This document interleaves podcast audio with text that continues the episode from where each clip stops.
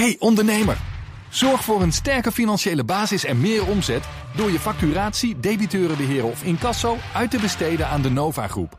De Nova Groep? Ja, de Nova Groep. Kijk op novagroep.nl. Dit is een BNR podcast.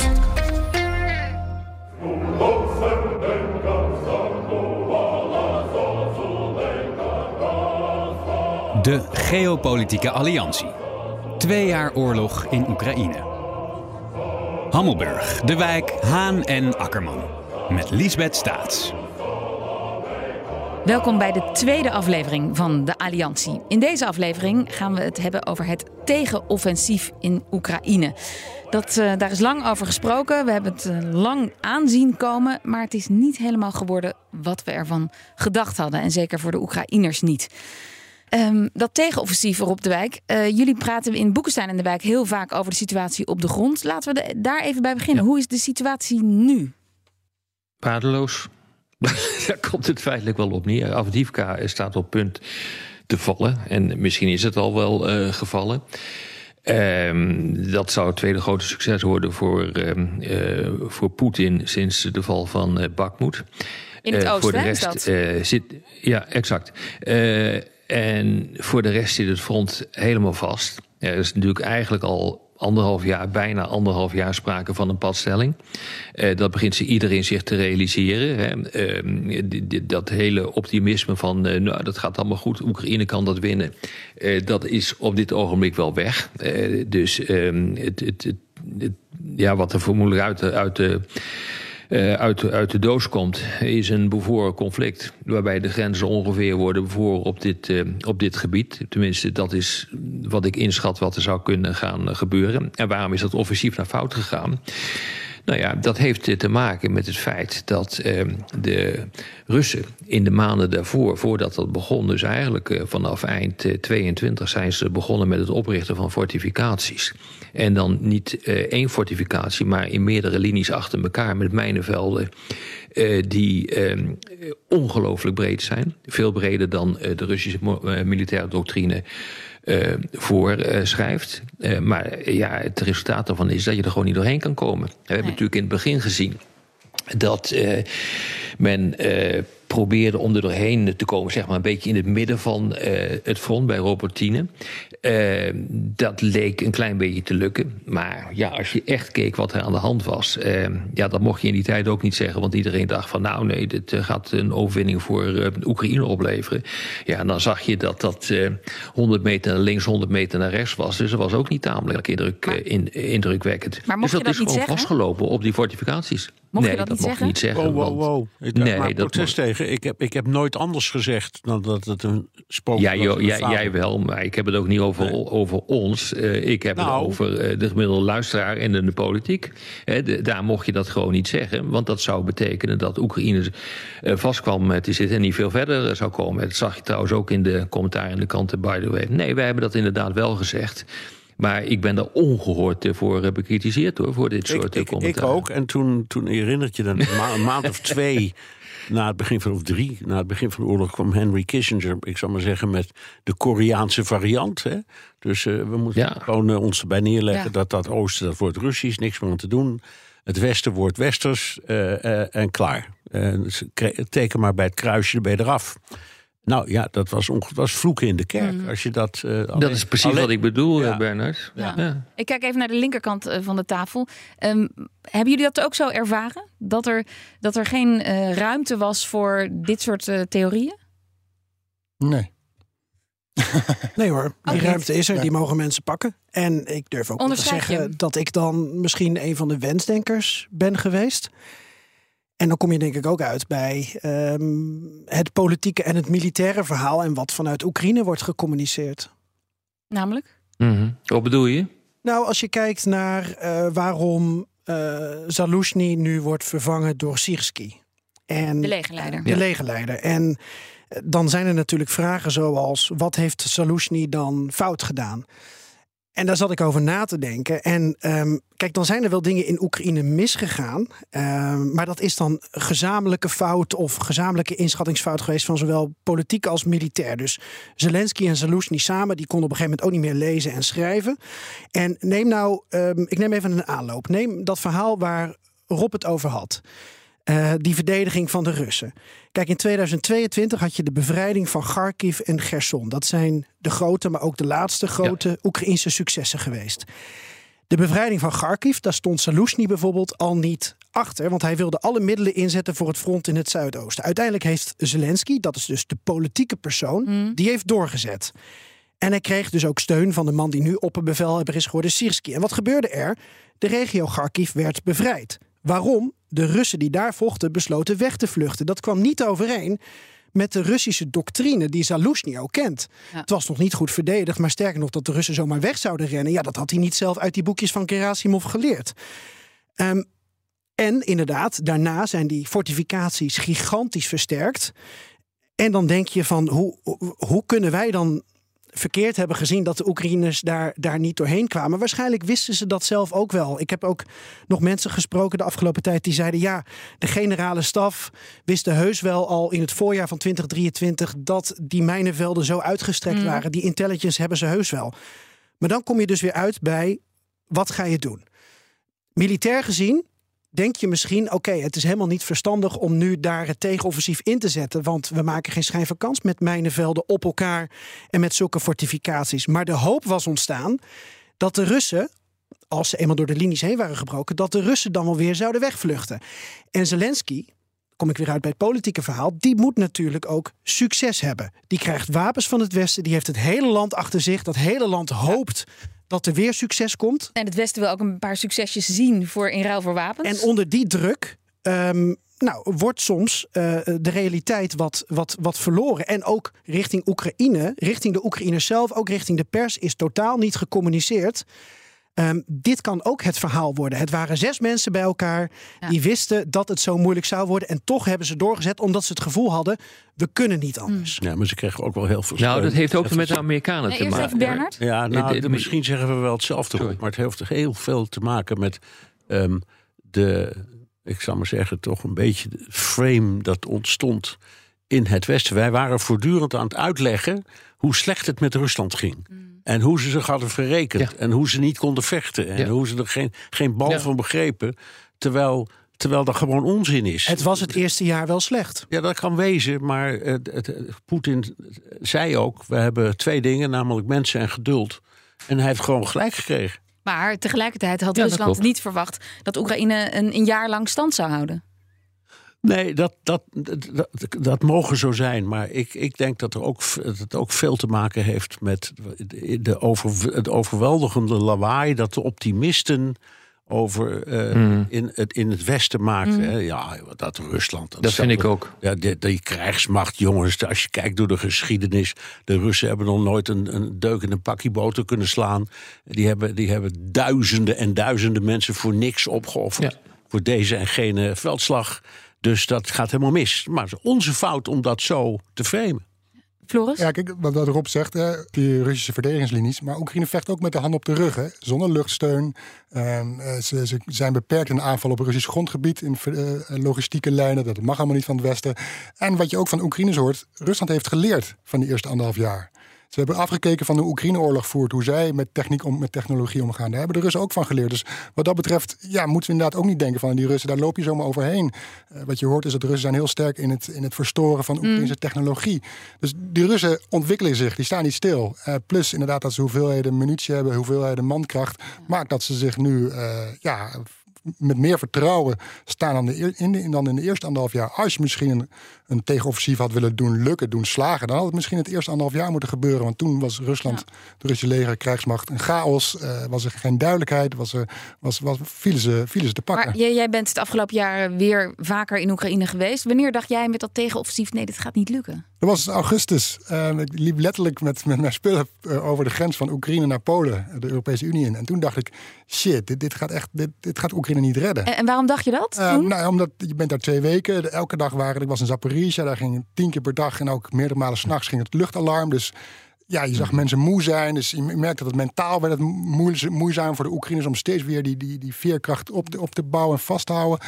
En ik sprak daar met mijnenruimers die f- mij vertelden hoe moeizaam dat ging eh, om die mijnen te ruimen. Dat waren mijnen die liggen dan onder een dode Russische soldaat. En daar moeten ze dan eh, voorzichtig mee omgaan. En voetje voor voetje gaan ze vooruit. Terwijl ze onder vuur liggen van de, van de Russische soldaten. Dus dat gaat al moeilijk. Je ziet dat Poetin, die heeft zich echt vastgebeten op dat moment in die oorlog. Dus ja, eh, Jij dacht- op dat moment dacht ik van nou, dit... dit, Dit, eh, dit gaat niet. snel. Jij, jij, dacht, jij dacht, ik ben terug in eh, 1917 of 16 of zoiets, als ik het zo hoor. Dit is een Eerste Wereldoorlog tafereel dat je beschrijft. Nou ja, dat was dat, dat moment het gevoel, ja. Of, nou, niet alleen het gevoel, gewoon de, de argumenten die er feitelijk zo waren. Rob? Maar ja, kijk, er zijn ook fouten gemaakt. Hè? Dus de Amerikanen hebben aangedrongen, en dat is wat technisch, op manoeuvre, manoeuvreoorlogvoering. Dus het, eh, het, eh, het eh, oorlogvoering met, met grote eenheden eh, die je kunt manoeuvreren ten opzichte van de tegenstander. Eh, ze hebben erop aangedrongen om dat te doen. Alleen dat lukte niet, omdat die Oekraïners tegen die mijnenvelden opliepen en die andere fortificaties opliepen. Dat, dat was ook een richtingenstrijd eh, gaande. En de Amerikanen zaten er anders in dan de Oekraïners. Ze zeiden van, nou, dat moet best wel kunnen. Twee tot vier dagen eh, breek je wel daar doorheen en dan kan je doorstomen eh, vanuit die Zaporizhia-oblast naar het zu- zuiden. Kom je eerst uit eh, in Melitopol en dan kan je vervolgens in de richting van eh, de zee van Azov eh, gaan. kan je de boel onder controle krijgen. Dan kan je die landbrug door eh, snijden van eh, Rusland naar de Krim. Eh, dat is allemaal niet gelukt. Maar er zat ook een enorme richtingenstrijd eh, aan ten grondslag. En dat komt omdat die Amerikanen helemaal niet danken, denken in termen van, laten we zeggen, scenario's uit de Eerste Wereldoorlog. Maar die denken in termen van manoeuvre-oorlogvoering. Bewegelijke oorlogvoering met grote eenheden en veel vuurkracht. Nou, dat is gewoon niet gelukt. En dat heeft echt ehm, grote problemen opgeleverd, ook, eh, eh, ook in Amerika. En dat is ook, denk ik, een verklaring hè, de, wa- waarom dit het eh, geval is. Ja, mag ik één- maar één vraag, want die, daar hebben we het vaak Ja. over gehad. Bachmoed. Dat was eigenlijk Ja. het case in point, zouden ze zeggen. Omdat Zelensky daar maar door en door en door wilde gaan. En Biden steeds zegt, hou daar nou toch mee op, man. Laat dat lopen en concentreer je op het verzamelen van een veel grotere slagkracht. Die je dan op een ander punt met veel meer succes kunt inzetten. Is dat een Ja, voorbeeld, dat van, die, is dat een voorbeeld van die richtingenstrijd? Ja. ja. ja. Ja. dat vind ik wel, ja. Ja, daar heb je gelijk eh, in, eh, Bernard. Eh, je kunt dus eh, verzamelen wat je wil... maar op het moment dat je tegen dit soort fortificaties oploopt... dan zul je er echt eerst doorheen moeten breken. Ja, en dan eh, is het defensief een stuk makkelijker dan het offensief... want het gaat je ongelooflijk veel levens kosten. En dat... Kijk, Bakmoed is verkocht door ehm, eh, Oekraïne om ervoor te zorgen dat er zoveel mogelijk Russische soldaten zouden sneuvelen of anderszins compleet zouden worden uitgeschakeld. Ehm, dat was de enige rechtvaardiging om dat te doen. Dat zeggen ze nu ook van Avdivka. Dus je, eh, je probeert een, een, eh, de Russen een klein succes ehm, te ontzeggen. Eh, en als ze dat succes toch boeken, dan moet de prijs die ze daarvoor Ja. betalen gigantisch hoog zijn. Nou, dat is precies wat er toen gebeurt en wat er op dit ogenblik ook weer gebeurt. Geert-Jan, ik zie Maar eh, dat schiet natuurlijk niet echt op, dit. Nou, het schiet niet op ehm, om wat Rob zegt. Namelijk dat er een uitput, uitputtingsoorlog gaande is. eh, waarbij eh Bakhmut en Afdivka goede voorbeelden zijn van dat Oekraïne eh, de strategie heeft om eh, zoveel mogelijk eh, Russische doden en verspilling van munitie Ja. te veroorzaken. Ehm, met de hoop, ook dit voorjaar weer, dat de Russen dan niet genoeg overhouden om op andere plekken ook een offensief te starten. Dat is afgelopen voorjaar ehm, gelukt, ook door de Russische onkunde bij Vuledar bijvoorbeeld, waar we het toen een jaar geleden nog Mhm. over hadden. Maar dat is natuurlijk een duivels dilemma. En Rob weet als geen ander hoe het gaat met plannen van logistiek en plannen eh, in een oorlog. Het is telkens kiezen tussen twee kwaden. Ga ik nu ehm, vol deze stad verdedigen in de hoop dat ik de ander helemaal slijt? Of laat ik ze komen en gebruik ik mijn eigen mensen en materieel dan op een andere plek? Met het risico dat als die ene stad wordt veroverd, dat ze dan op die plek verder doorstoot. En dat je daar nog niet de verdedigingslinie daarachter goed op orde hebt. Want dat is in Oekraïne nu ook het geval. Dus volgens mij is het ook. Hoe zei Rutte dat in coronatijd? Eh, je Ja, maakt een beslissing met, Met 50%, kennis Ja. En 50% onwetendheid of op de gok. En daar moet je 100% beleid op maken. Zoiets. Dat klopt. Dat is lastig. Ja, dat klopt. Ja, kijk, elk plan sneuvelt op het moment dat de oorlog is begonnen. Dus dan kan je opnieuw weer aan de tekentafel toe om te kijken hoe je het gaat doen. Maar oorlog voeren is een, laten we zeggen, een creatief proces. Het was ook niet voor niks uh, dat Sun Tzu, uh, wanneer is dat, 2000 jaar geleden al riepen, oorlog voeren, dat is the art of war, de kunst van het oorlog voeren. Dus uh, degene die daar het meest creatief in is, die, boekt, die, die boekt de meeste resultaten.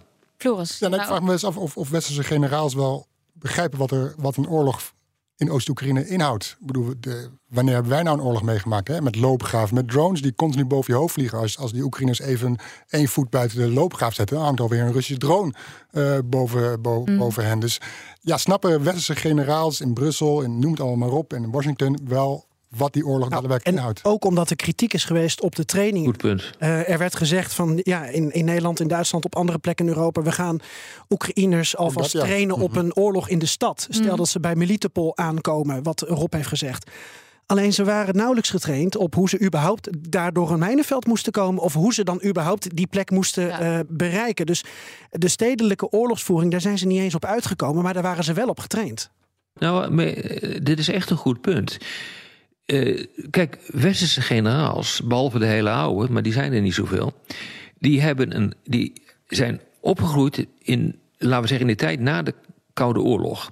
Toen zijn al die krijgsmachten die zijn omgevormd naar vredesmachten, stabilisatiemachten. En dat is echt iets totaal anders, maar dan ook volstrekt anders dan langdurige grootschalige gevechtsoperaties met gemechaniseerde eenheden. Die gemechaniseerde eenheden hebben we niet meer. Dit verklaart ook waarom we bijna geen munitie meer kunnen leveren. Want voor een stabilisatie dan wel vredesoperatie heb je helemaal niet zoveel munitie nodig. Maar ga je voor grootschalig gemechaniseerd optreden en langdurige versoperaties heb je onvoorstelbaar veel munitie nodig en heb je zwaar materieel nodig. Maar in Nederland zijn de tanks niet meer. Dus die hele krijgsmacht is totaal veranderd. En dat betekent dat ook, zie ik bij militairen, het ongelooflijk moeilijk is om de slag te maken naar wat daar nou precies militair gebeurt in, in Oekraïne. Wat ze weten, hebben ze uit de boekjes. Maar Bernard, dan na twee jaar oorlog is dan de conclusie dat wij Oekraïne overschat hebben, of de, de kracht van Oekraïne? Uh, misschien, maar ik denk dat we meer Rusland hebben onderschat.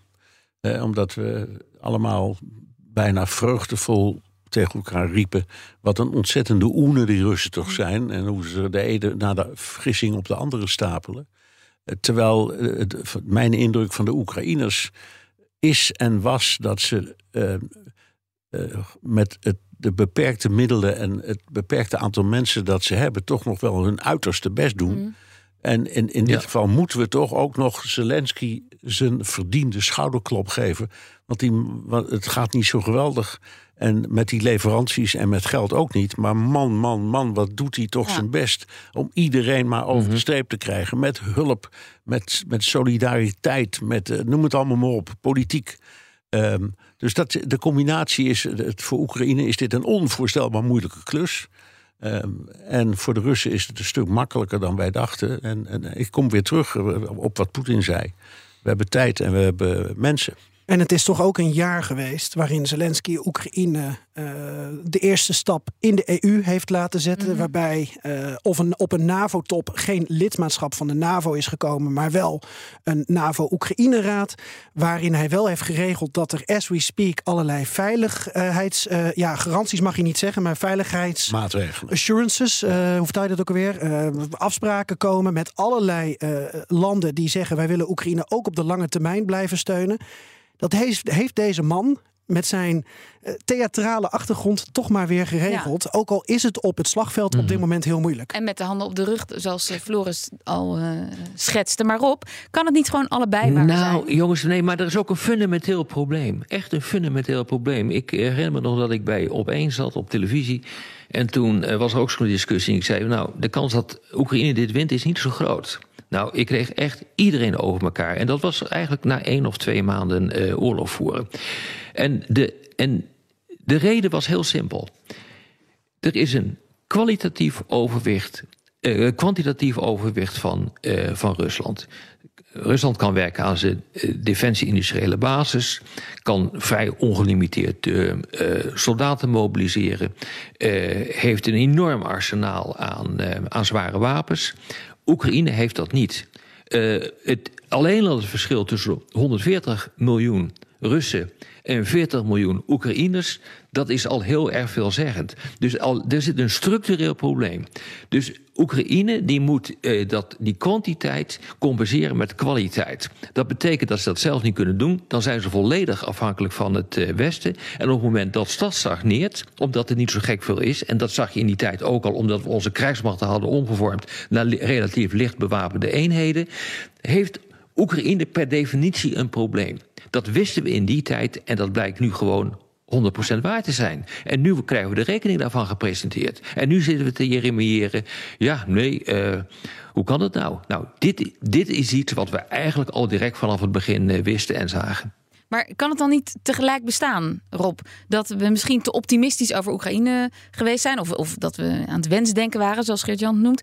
En tegelijkertijd ja. uh, dat we Rusland onderschat hebben. Maar dat je wel uh, je kunt uh, verbazen, positief verbazen over het uithoudingsvermogen van Oekraïne.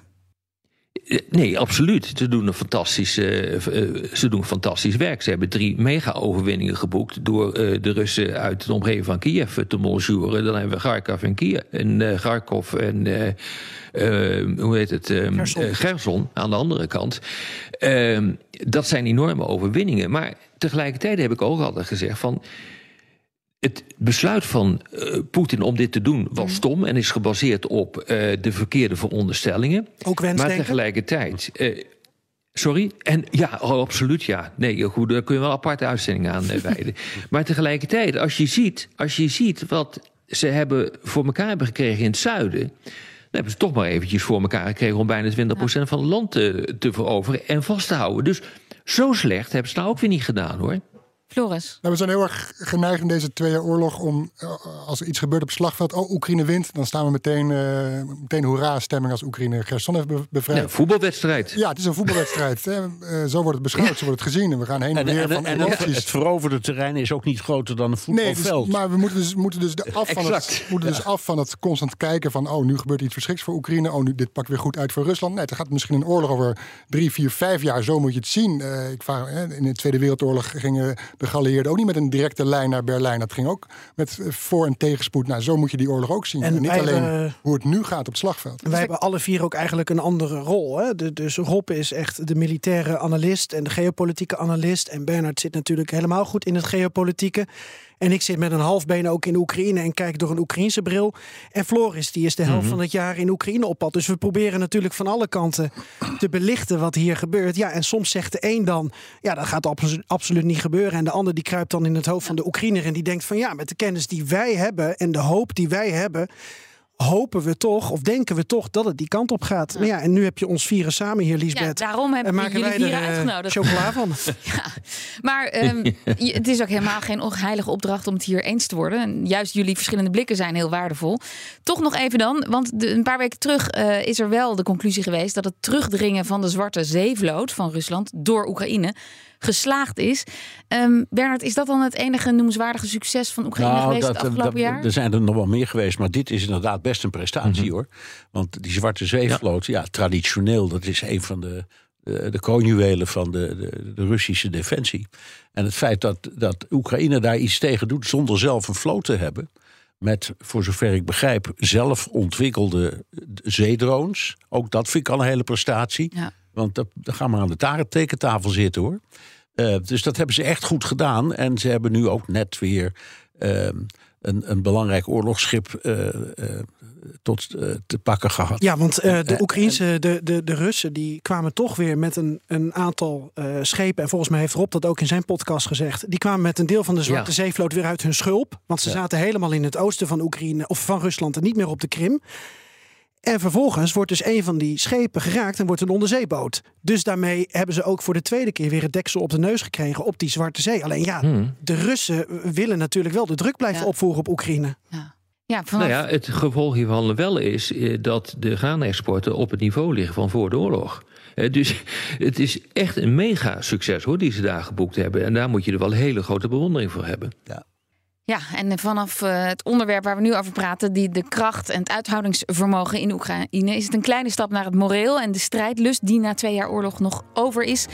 Daar uh, gaan we in de volgende aflevering uh, over praten. En vragen we ons ook af hoe de Oekraïners nog over hun president denken, Zelensky.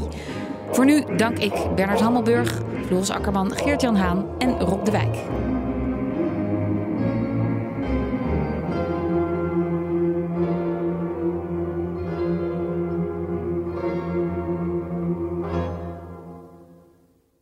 Hey ondernemer, zorg voor een sterke financiële basis en meer omzet door je facturatie, debiteurenbeheer of incasso uit te besteden aan de Nova Groep. De Nova Groep? Ja, de Nova Groep. Kijk op novagroep.nl.